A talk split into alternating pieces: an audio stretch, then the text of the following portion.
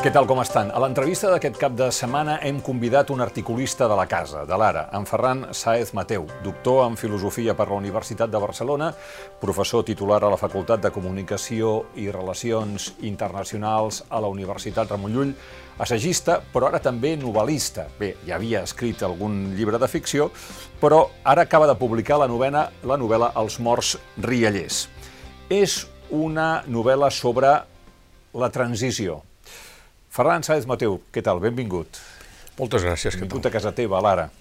Um, de la transició de la transició en sabem moltes coses, alguns perquè la varen viure i d'altres perquè encara ara se'n parla molt.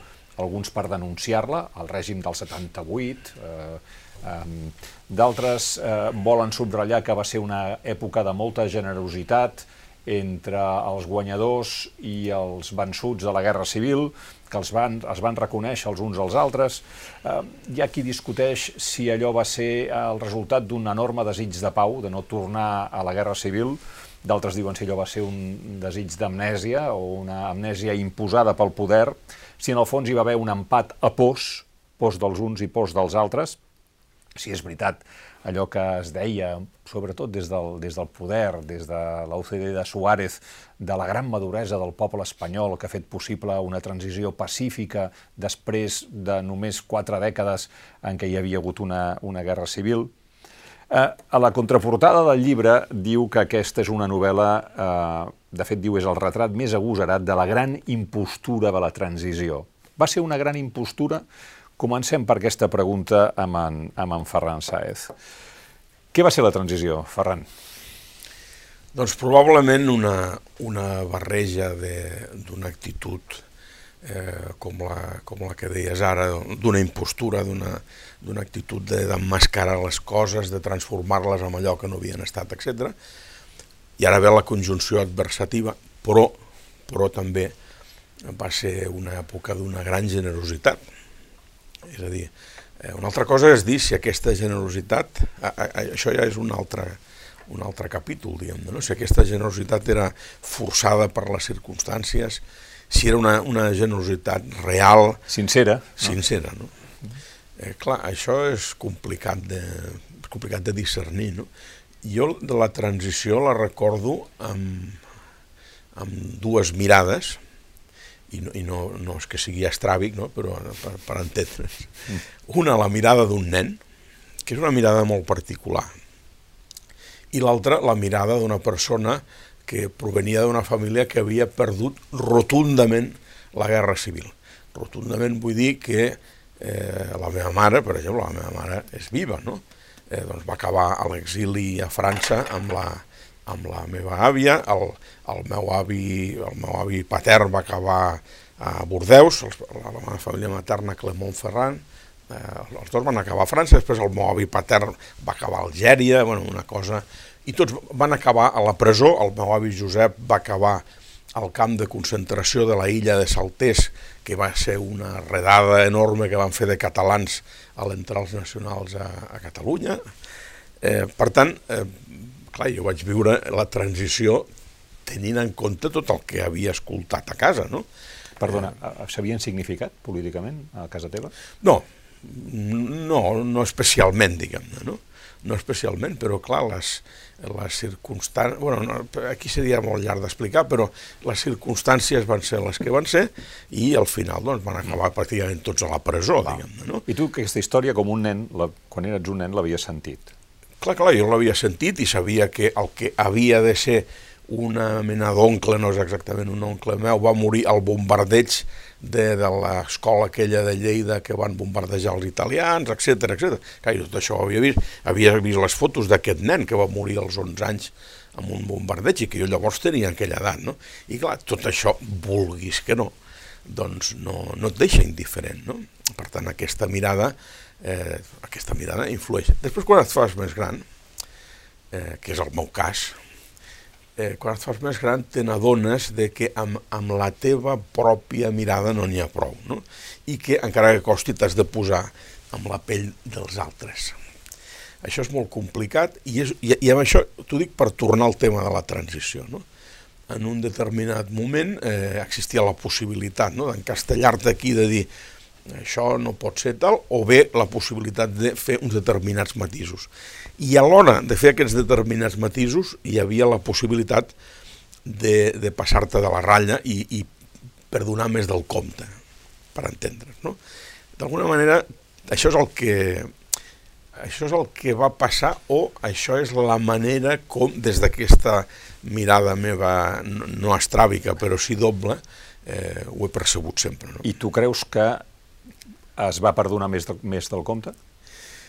Eh, jo crec, per les meves conviccions, eh, que van més enllà de la política, jo crec que el perdó és bo en si mateix. Eh, això ho crec mm, realment, profundament. I a la vegada, eh, a la vegada crec, i això és una cosa eh, que una cosa molt profunda que explica Paul Ricoeur, no? que, que el, el perdó s'ha d'ubicar sempre amb, amb una mena de, de bogeria, és a dir, perdonar una cosa eh, banal no costa res, no? Si ara eh, jo em cau l'aigua i et taco els pantalons... Doncs, dius perdó. Eh, no, no passa res, vull dir, perdonar vol dir que jo hagi matat eh, en un fill teu i, i, i m'entens? Això és una... Perdonar és això. I això no deixa de ser una, diguem-ne, noble bogeria, no? Per això, repeteixo, aquí ara, ara he saltat en un altre, en un altre àmbit, no? Que és, que és un àmbit no exactament polític. Però si ara tornem a l'àmbit polític, jo crec que hi havia una mena de, de línia que no s'hagués pogut saltar, no? que és eh, persones que havien obrat d'una manera absolutament eh, terrible, no? vull dir que havien matat gent, eh, que havien fet mal, etc etc. Eh, això no, no, es, no es podia... Les tortures policials o els jutges que havien condemnat a mort. No, no, pots, eh, no pots fer veure que no ha passat. Una altra cosa és que a partir d'aquesta constatació eh, diguis, bé, això ho farem així o ho farem així. Però, però, però almenys dir-ho. Almenys dir-ho, clar, és que clar, fer veure que això no havia passat, que no hi va haver, doncs, eh, un bombardeig eh, a la ciutat de... Jo visc a la vora de la plaça del Diamant, pràcticament, no? Que no hi va haver que no, un refugi antiaeri allà, està allà, vull dir, es pot visitar, em sembla que els diumenges es pot visitar. Per tant, haver negat això, què és el que es va fer, és una cosa que no té cap mena de justificació. Una altra cosa és que, o bé en nom del perdó, en un sentit eh, determinat, o bé en nom del pragmatisme polític, que és una altra cosa diferent. Eh? Tu diguis, bé, escolti, no, no podem estar tota la vida així i per tant eh, fem alguna cosa, primera perquè això no torni a passar i segona perquè no haguem de viure tota l'estona amb aquest ressentiment perquè el ressentiment és una cosa molt, molt tenebrosa i que s'acaba girant contra un mateix. No? Però en tot cas, tu creus que hi va haver aquesta impostura. Uh,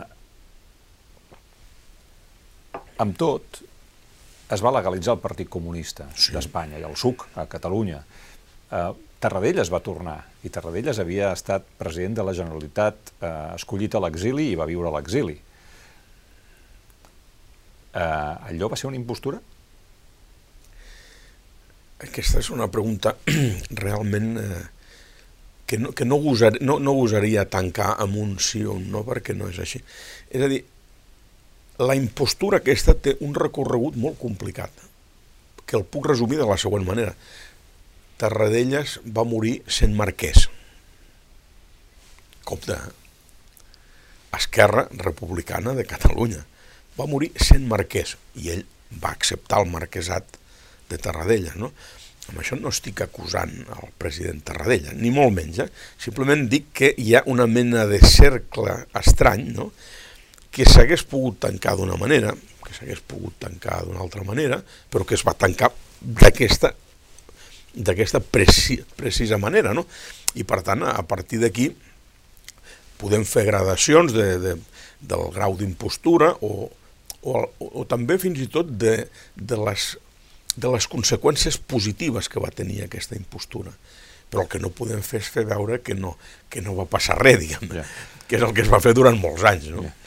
Um, amb quin mecanisme vam anar uh, d'un punt a l'altre i gairebé tancant el cercle? Això que deies ara, no? Bé, hi ha una cosa que, que en medicina es diu cauteritzar. No? Uh -huh. I tu tens una, t'has fet un tall a la mà no? i et posen mercromina i la ferida es cauteritza. No? I aquí torno, torno a, la, a Paul Riquet, no? que és, torno a Paul Riquet perquè és una, una de les persones que més ha reflexionat sobre la memòria, eh, sobre la memòria col·lectiva també, no? I, i perquè bueno, jo sóc d'aquest gremi dels filòsofs i tal, i tenim aquestes manies de tractar les coses d'aquesta manera. No? Què és una cicatriu? El senyal no. d'una ferida oberta? Eh, bueno, quan, quan tanca? És, una cicatriu, fixa't bé que és una ferida que hi és i que no hi és. Hi és perquè està aquí la, la, la cicatriu i no hi és... Indica que hi va haver una ferida. Exactament. Però que ja no surt sang. Uh -huh. Llavors, clar, a partir d'aquí eh, pots dir, bé, nosaltres podem fer el subratllat de la ferida que hi va haver o podem fer el subratllat de la cicatriu que ara mateix no té, diguem-ne, cap, no presenta cap perill ni presenta cap problema des del punt de vista d'una infecció. Podem fer els dos subratllats, no? El que no... Eh, i, i, i, I els dos em semblen, em semblen lícits en la mesura que són subratllats d'un fet. El que, insisteixo, el que no podem fer és de dir, ah, no sé, no sé d'on ha sortit aquesta, uh -huh no sé, potser és una marca que tenia de naixement, no? A la novel·la, els, mm, els personatges principals, o entre els personatges principals, hi ha fills de guanyadors de la Guerra Civil, sí. per tant, que van combatre amb l'exèrcit de Franco, alguns van anar a la divisió, a la divisió Azul, um, que van, amb les corrupteles de la, de la postguerra i del, i del franquisme, van guanyar molts diners i van augmentar notablement el seu patrimoni. Els fills d'aquestes persones que, eh, entrats a la universitat, eh, es converteixen al marxisme uh mhm. -huh. i eh, militen en partits comunistes o en partits socialistes, fins i tot en partits comunistes que avui dia, mm, eh, no, no sé si estan desapareguts, però almenys desapareguts de la primera línia política sí, penso en Bandera Roja, per exemple. Sí, sí. No? Um, aquest, aquest és un patró de comportament que vols assenyalar de l'època? Sí, perquè va ser massiu.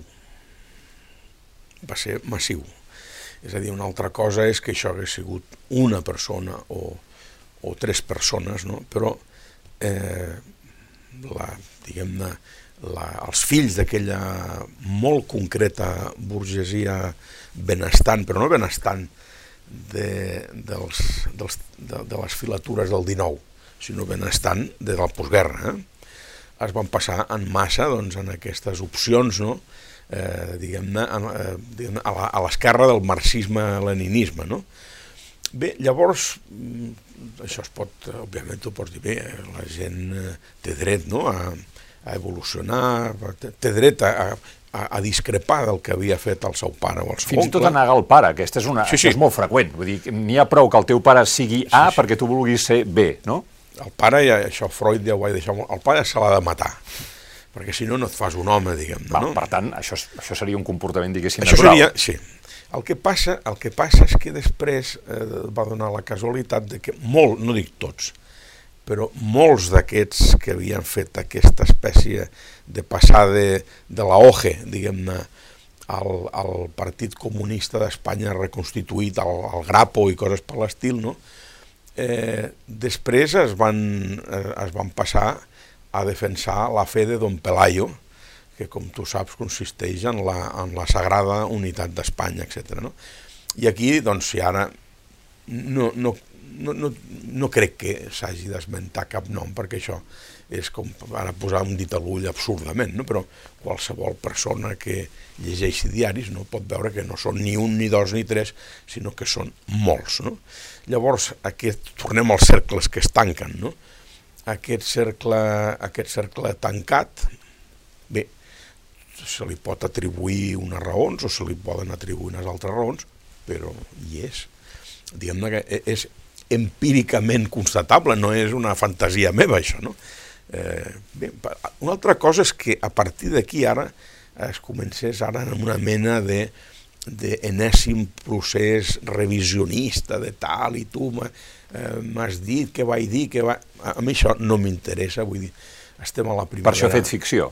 L'ha l'any- fet un assaig. Sí, sí, exactament. Eh, clar, si hagués volgut fer una, una obra... O fins i tot, encara et diré més, eh, això hagués pogut ser una, una novel·la històrica, però no, no em va donar la gana que ho fos. És a dir, eh, de fet, les coses, eh, les coses que, que eren eh, evidents, diguem-ne, no?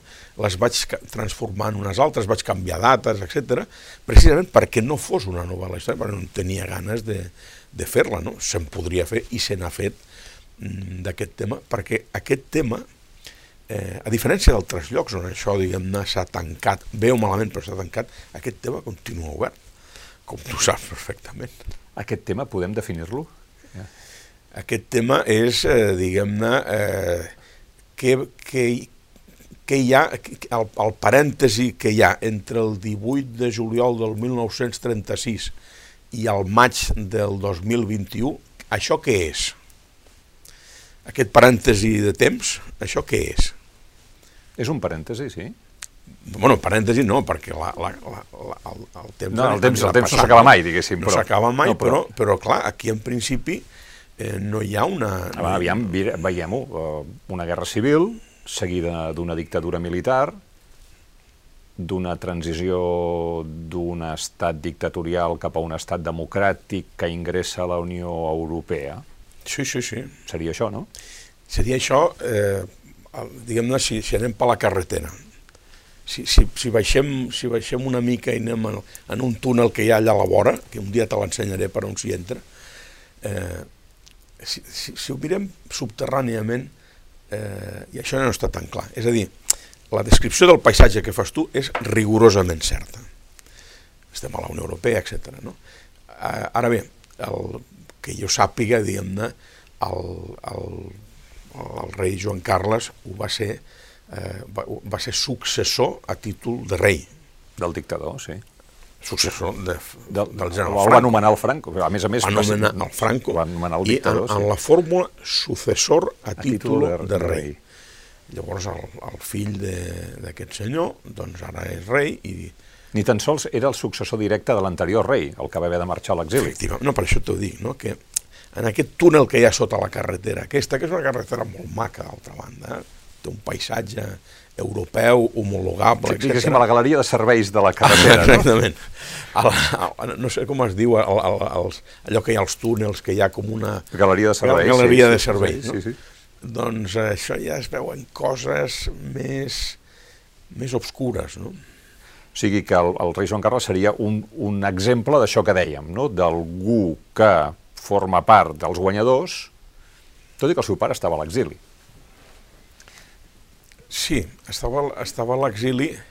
Eh, tot, això, clar, eh, vist amb, el, amb, el, amb la imatge d'aquell moment, estava a l'exili, vist amb la, amb la imatge actual, doncs ell estava eh, conspirant per, per buscar-se la vida, diguem-ne, no? perquè eh, l'home, eh, doncs, clar, tenia també les seves expectatives. O No? sigui, el, el, I això surt a la, a, la, a la novel·la. Hi ha un moment que un dels protagonistes, quan veu el maig del 68, que un podria pensar, és clar, en Franco viu a Espanya, encara al maig del 68, però a França, el, el país del costat, tot i que en aquell moment no hi havia eh, les connexions comunicatives que hi ha ara, i hi havia censura, i no era exactament fàcil saber del cert què estava passant més enllà dels Pirineus, però naturalment hi ha coses que transcendeixen, el maig del 68 potser va espantar algun d'aquests proms pensant un dia, el dia que es mori Franco, aquí potser eh, se'n recordaran de, de, de, de, de, de, de com he acumulat el patrimoni que tinc o de les sentències de mort que vaig firmar, etc etc. no? Però el protagonista, quan veu com són els revolucionaris de França del 68, que són joves estudiants, diu, no patiu, són els nostres, tot serà igual, les cases de sempre, els cognoms de sempre, no ens tocaran res i tothom estarà content. Sí. sí, sí. És aquesta la teva tesi, diguéssim. Sí, sí, sí, sí. És que, eh, bueno, de fet, va acabar, Va acabar així. va acabar així, no? Per tant, estem davant d'un simple re- relleu generacional? Sí, però amb una, amb, amb una, amb una quantitat de- d'interferències tan gran. Per exemple, la interferència de la Guerra Freda, eh, que, que, ho fan molt, que fan difícil reduir-ho en, en, un, en un relleu generacional. Per exemple, hi ha un moment a la, a la Guerra Freda, quan l'Sputnik i tot això, que molta gent diu, aquests russos, ojo, que acabaran guanyant, eh? I això, eh, des del punt de vista de, les, de certes elites, eh, quan apostar per un cavall guanyador no és el mateix que no fer-ho. No? I això també hi té a veure amb, amb, aquesta, amb aquest relleu generacional tan especial i tan concret. És a dir, no només és la, la qüestió aquesta eh, franquista, etc, no? sinó que també hi ha l'entorn de... Eh, hi ha el, bufen uns altres vents eh, arreu del món, hi ha Kennedy, no? És a dir, no, no té res a veure, per exemple, en l'ambient dels anys 30, no? en el que, el que es veia amb claredat és que el totalitarisme eh, seria el que s'acabaria imposant, a l'ambient dels anys finals dels... De, ai, perdó, de començaments dels 60 fins als, als 70, tu tens a Kennedy, tens a Joan 23, bé, les, els vents bufen. No? Bueno, hi ha aquella famosa cançó, ja que ara fa 80 anys... Bob Dylan, no? Els temps de, estan canviant. Els temps estan canviant. I això dels temps estan canviant, molta gent eh, ho va veure, molta gent ho va llegir d'una manera i molta gent ho va llegir d'una altra, yeah. eh, acomodatíciament. No? Per tant, no és que enviessin els seus fills a fer-se marxistes per apostar als do, a, a roig i a negre, de dir sí. el, el, el pare franquista, el fill comunista, aviam qui guanya al final Exacte. de la Guerra Freda i com acaba després sí. de la mort del Franco, potser no era deliberat, però una miqueta de càlcul, perquè les elites, una mica de càlcul sí que existia, perquè normalment les elites una de les coses que fan és sempre intentar entendre quina serà la pròxima jugada, la, la derivada, no? Amb qui han d'anar? qui, quin és el pròxim cavall guanyador, no? I per això eh? No, la, els, que no, els que això no ho tenen en compte deixen de ser-ho, les elits, no? I aquests s'han perpetuat, no? I, i, i s'han perpetuat no només per tenir un càlcul, podríem dir, miserable, no?, d'això de, de roig o negre, no? Tal, sinó per tenir un càlcul intel·ligent, no? de dir, bé, escolti, la, la, les coses van per un altre lloc, no, no van per aquí, no? per tant, eh, anem cap aquí i s'ha acabat la història. Yeah. Um, tu dius que al 77 i al 78 hi havia famílies guanyadores que no les tenien totes perquè pensaven que la gent recordaria certes coses, però la gent no ho va recordar. No. Per què? Per, per, per això, per aquest desig de pau, de que no tornés la guerra, perquè havien sentit històries terribles com la de casa teva, eh, o perquè hi va haver una rentada de cervell eh, més, més mm, realitzable perquè no hi havia xarxes socials ni tants canals com ara. A veure, eh, és que és, és, difícil, és difícil encara que hagin passat, diguem-ne... 40 anys, 45 anys, anys o 45 sí. anys, no? És difícil posar-se en la pell d'una persona que sí que havia viscut la, la, la guerra. Eh? No, per això jo per això he subratllat abans la, la meva mirada de nen. No? Si tu has vist eh, gent afusellada a la vora de la tàpia d'un cementiri, home, després al, al, al dir o al fer determinades coses, tu penses un parell de, de cops. No? Per tant, eh, aquí poden haver actituds de prudència, eh, de prudència en el sentit, podríem dir, covard de la paraula, o actituds de generositat, o altres actituds, però totes barrejades, no? Mm, molt confusament, no? I, I a més a més en una, en un, podríem dir, paisatge que reclamava una certa reclamava una certa eh, com ho diríem eh, no, no, és que la paraula reconciliació és massa forta no? però, però sí un cert apaivagament de, de les tensions que hi havia hagut. Re, quan s'utilitza la paraula reconciliació, s'està utilitzant una, paraula, una paraula molt seriosa des de, de, en relació al que vol dir. No? Jo, jo no això seria més diguem més humil, no? Vull dir, el que simplement hi va haver, doncs, una, una cosa de dir, mira, si, si no ens fotem garrotades, no? Eh, els dos viurem millor. Que és molt diferent a reconciliar-te realment. Reconciliar-te realment és molt complicat. Eh? Reconciliar-te realment és el que van fer els, els francesos amb aquella superperformance de memòria col·lectiva quan es va, es va descobrir, no sé si recordes, aquella foto de Mitterrand en un míting feixista antisemita, no? I, i bé, els francesos van, van dir, escolta, i si potser no vam, nosaltres no vam guanyar la Segona Guerra Mundial, sinó que la vam perdre perquè estàvem a la, amb, amb la França de Vichy, etc.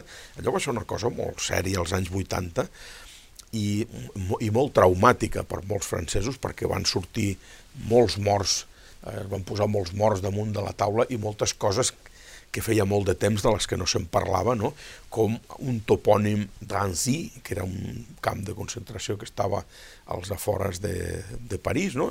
i que és on van acabar la majoria de jueus francesos abans d'anar cap a Auschwitz. I, per tant, allò, allò sí que va ser una, una mena de cauterització amb una mercromina que picava molt, que feia mal. Aquí això no s'ha fet mai s'han fet, fet coses molt tard, com per exemple aquesta altra performance de, de, del, desen, del desenterrament de la inhumació de Franco i tal. Performance?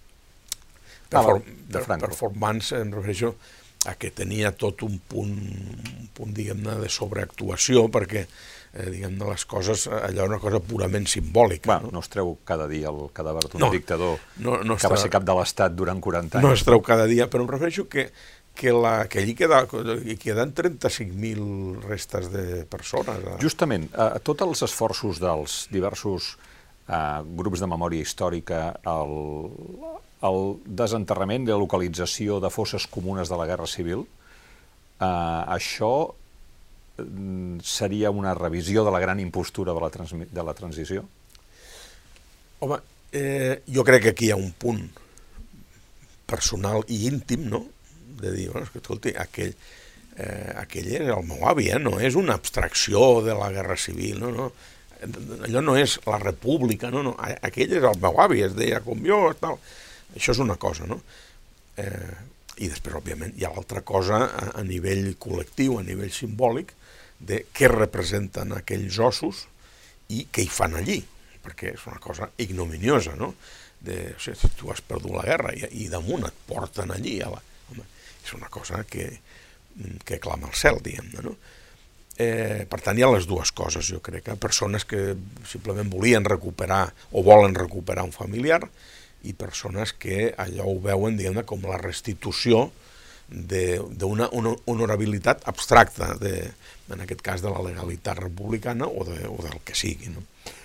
Hi hauria algun punt d'unió entre la ideologia dels pares guanyadors de la Guerra Civil i els fills marxistes? Els dos eh, eren totalitaris. És a dir, uns creien en l'estat totalitari de, de dretes i els altres en l'estat totalitari d'esquerres. I, per tant, tots dos creien en l'estat. Comuni un comunista, bàsicament, és una persona que creu que l'estat atorga la felicitat a les persones. Un comunista, bàsicament, és això. És a dir, no, no creu en la iniciativa individual, no? sinó que creu que l'Estat és el, la garantia de la felicitat de les persones. Doncs bé, eh, l'estat feixista creia amb la, amb la felicitat a través d'un determinat mecanisme, i la, perquè era un tipus de totalitarisme, i hi havia un altre tipus de totalitarisme que veia les coses d'una altra manera. Aquesta, aquest és el nexe bàsic d'unió. Mm. A part de fer-se marxista, en el, els personatges de la novel·la um, recuperen el català familiarment. Sí. Era una llengua familiar, era la llengua de la família, després de la guerra pel que es, eh, per raons, diguéssim, sí, sí. òbvies, s'elimina i es posen a parlar en castellà amb els seus fills, però aquests fills recuperen el català. Eh, sí, bueno, i els, i els pares també, clar. Eh, cosa que em sembla molt bé, eh? Cosa que em sembla molt bé. El que passa que, clar, eh, les, les motivacions a l'hora de fer-ho, jo com que no puc entrar en la ment de les persones, de moment, eh, qui sap si de... Eh, doncs jo no sé per què ho fan, és a dir, si ho fan acomodatíciament o si ho fan perquè creuen que van cometre un error o jo que sé quines raons ho fan, jo no ho sé, no? però la qüestió és que això eh, qualsevol persona que, eh, que conegui una mica la realitat de certs barris de Barcelona, doncs ho sap perfectament, això. Mm. Uh, els, aquests fills marxistes, però, no han sigut després tota la vida marxistes. No, no, no, no. Aquests fills marxistes deixen de ser marxistes quan, les, quan els vents bufen en una altra direcció. Insisteixo, precisament perquè són les elites. o sigui, les elites es caracteritzen no només per ensumar el, els, els, els, canvis, béns, els béns de canvi. que diuen els francesos, no?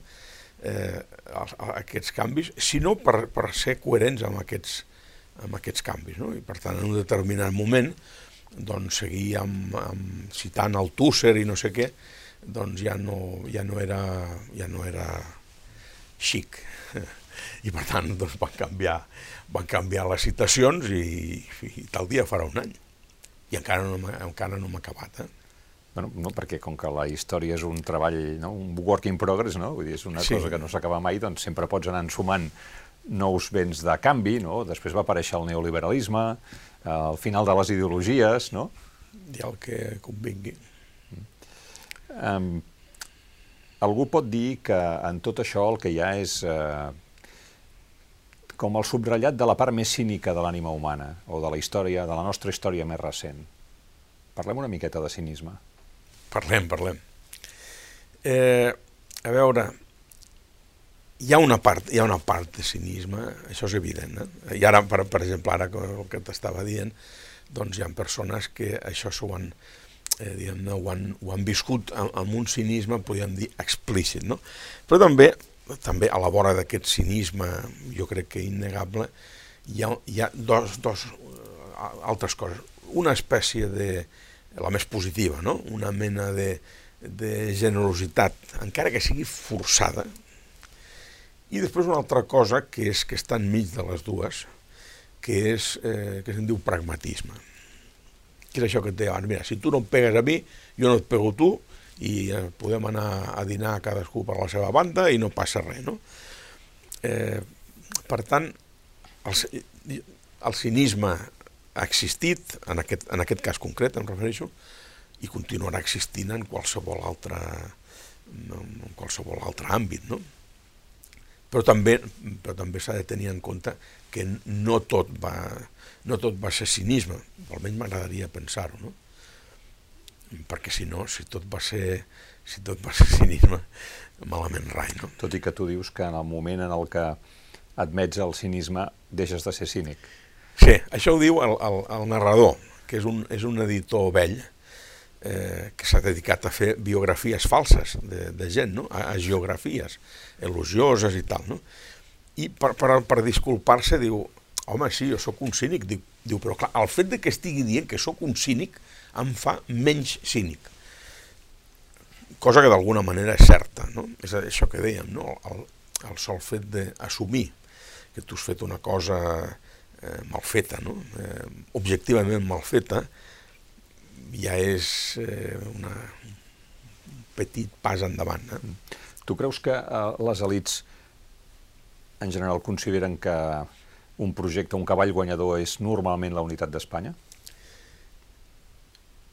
Depèn, depèn.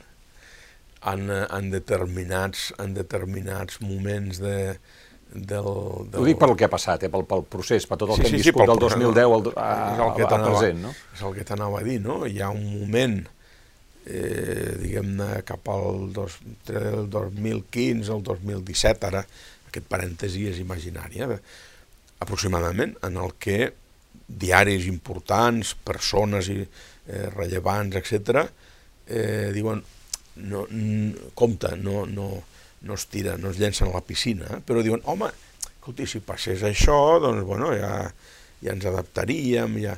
És a dir, hi ha un moment en el que eh, això podia semblar que acabaria d'una altra manera, eh, a diferència del que va passar, i que hi ha persones que aixequen els dos dits, eh, de dir, jo sí, jo, i, però no, jo sí, però no.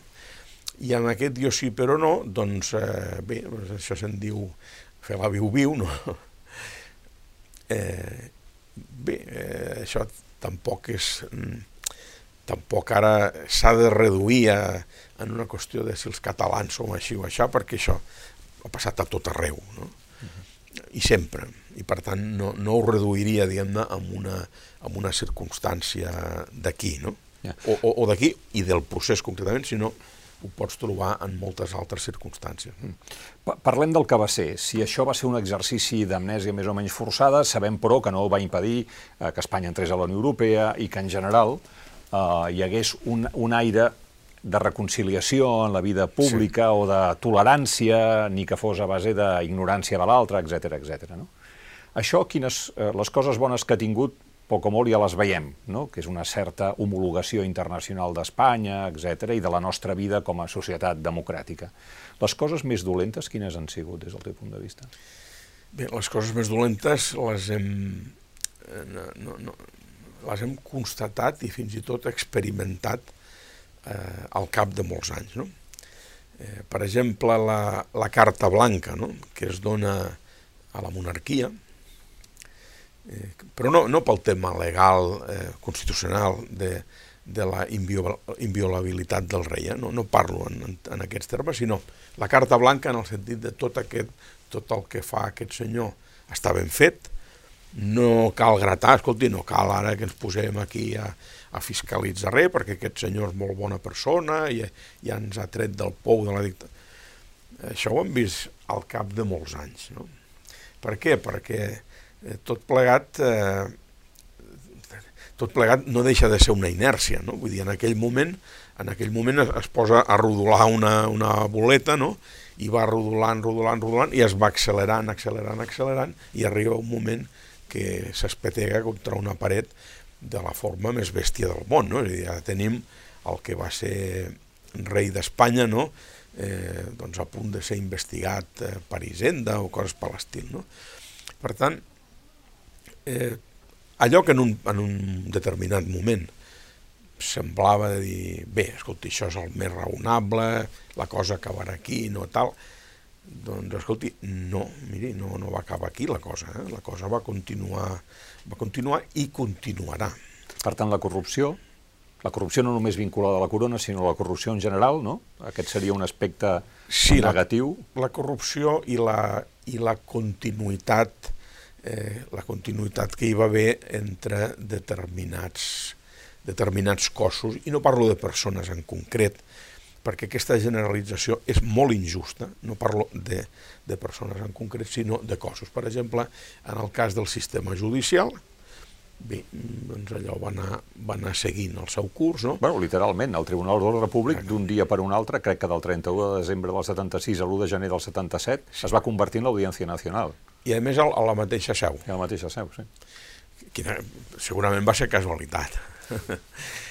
eh, per tant, dèiem la corona sí, sí, o el, o el, per exemple, el poder això, judicial... Això, això és un cas, és un cas que, és que no cal ni, no cal ni afegir res més. No? Mm -hmm. I, naturalment, eh, tot l'estament militar, etc. No? Eh, que això en aquell moment era molt difícil de, de resoldre, no ho negaré pas, eh? No molt difícil de resoldre, de fet era, la paraula no és difícil, la paraula és perillós, era molt perillós de resoldre, Eh, però, què? però bé, no resoldre-ho doncs portaven uns altres riscos, no? I com se sol dir, aquí els té. La victòria per majoria absoluta l'any 82 del PSOE, de Felipe González, no va, um, no va ajudar a, a, a revelar aquesta impostura? O encara la va fer més, més, més profunda? Bueno, clar, en aquell moment, i això, i això ho recordo molt, molt nítidament, perquè llavors ja no era un nen, sinó que acabava d'arribar a Barcelona eh, amb, la meva, amb una maleta de fusta i una corda, com el, els que som de poble, saps que... Home, l'any 82 ja no devies no, anar... Eh, però m'agradaria pensar-ho, no?, perquè és, és la imatge aquesta de la maleta de fusta sí. i la corda. Eh, bé, jo recordo aquí, la, això va ser l'octubre, no?, que jo començava sí. la carrera i tal, a l'octubre del 82, hi havia un candidat que era de Lleida, que era el Landelino Lavilla. Alcina. Eh, sí, el, el, el, era, era el candidat de la UCD. El, el, de la UCD. Era el president de les Corts quan va, Tejero va entrar al, amb el cop d'estat. Sí. Exactament. Vull dir que ho recordo amb una certa nitidesa. No? I en aquell moment, compte, en aquell moment i en els dos anys posteriors a la, a la victòria dels socialistes, la cosa semblava que canviava. És a dir, els, els socialistes en aquell moment fan una sèrie de coses que són coses que són coses eh, importants, que són coses molt importants. No gosen, per exemple, fer una... tot i que disposaven de l'eina, no? Eh, perquè això havia començat ja amb la UCD, de, de resoldre el tema d'Andalusia amb una llei que es deia, que tenia un nom estrambòtic, però que es deia Ley de Fincas Manifiestamente Mejorables, que era amb el que s'hagués acabat amb el latifundisme parasitari d'Andalusia, de la marquesa de tal i el comte de no sé què, eh, amb això es podia acabar fàcilment, però no gosen fer-ho i fan l'aposta que coneixem aquí, que és, bueno, mira, mentre els catalanes vagin, vagin treballant i pagant impostos, això no caldrà, no? Clar, això també és una... És a dir, al començament d'aquesta victòria socialista, ja, sembla que ja s'ha de produir un canvi important, però al cap de molt poc temps es veu que aquest canvi important no s'acaba no s'acaba produint en cap sentit. Llavors arriba, eh, ai, això venia de, del, del cop d'estat del 81, estem parlant de mesos de diferència. Pràcticament tens la enorme motxilla de la LOAPA, que és la, que és la torna de tota aquesta història. La llei d'harmonització del procés autonòmic. Exactament. I per tant, des de la perspectiva catalana, aquí no es belluga gran cosa. No? I per tant, aquí comença una, una decepció ja molt profunda. No? I aquesta decepció no només no s'acaba, sinó que va, va creixent, va creixent, té alguna, algun bàlsam, no? com per exemple doncs, l'any 92, no? en el que efectivament eh, una ciutat com Barcelona li canvia la cara, tot es produeix un canvi positiu, no? Eh, no, no eh, tampoc hem de ser cínics a l'hora de negar-ho, no? un canvi positiu, però allò no, no significa res. No? I doncs ara, eh, a data d'avui, a maig de, del 2021, doncs ens en, des de la perspectiva catalana, és perfectament visible no? que el que ha canviat és molt relatiu. No? I que les coses que ens podien perjudicar eh, nacionalment com a catalans continuen sent on eren i per tant mm, en aquest sentit no, no, no s'ha mogut gran cosa. Diguem. Uh -huh. Eh, el títol, finalment, Els sí. Morriallers. Sí, clar, eh, l'editor, que és l'editor és el narrador, no? eh, té una conversa amb una altra persona i diu, nosaltres fem biografies de gent eh, que havia, havia estat franquista i ara passa com un artífex de la transició. Diu, per tant, el que estem fent és fabricar morts riallers, persones que passaran a, a millor vida, diguem amb una gran rialla, perquè se'ls perdonarà tots, eh, tot gràcies a, als nostres llibres. No? Mm. Uh, tu creus que continua havent-hi morts riallers? I tant. això, que, això em sembla que, que no, no, no ho trobarem mai, a, no hi haurà mai excedents d'això. Ferran Saez Mateu, moltíssimes gràcies per haver passat per l'ara, per aquesta estona d'entrevista a propòsit d'aquesta novel·la, amb, amb un retrat de la, de la transició um, que mira d'entrar per aquesta galeria subterrània o galeria de serveis que deies sí. tu, eh, que fa més visibles alguns elements ocults, en la gran travessia històrica que hem, que hem, que hem tingut ocasió d'anar fent des de 1936, des del 18 de juliol, fins al dia d'avui. Gràcies, Ferran. Gràcies a tu. Gràcies també a vostès per haver-nos vist. Esperem els seus comentaris al peu de la finestra on han seguit aquesta entrevista i fins a la pròxima.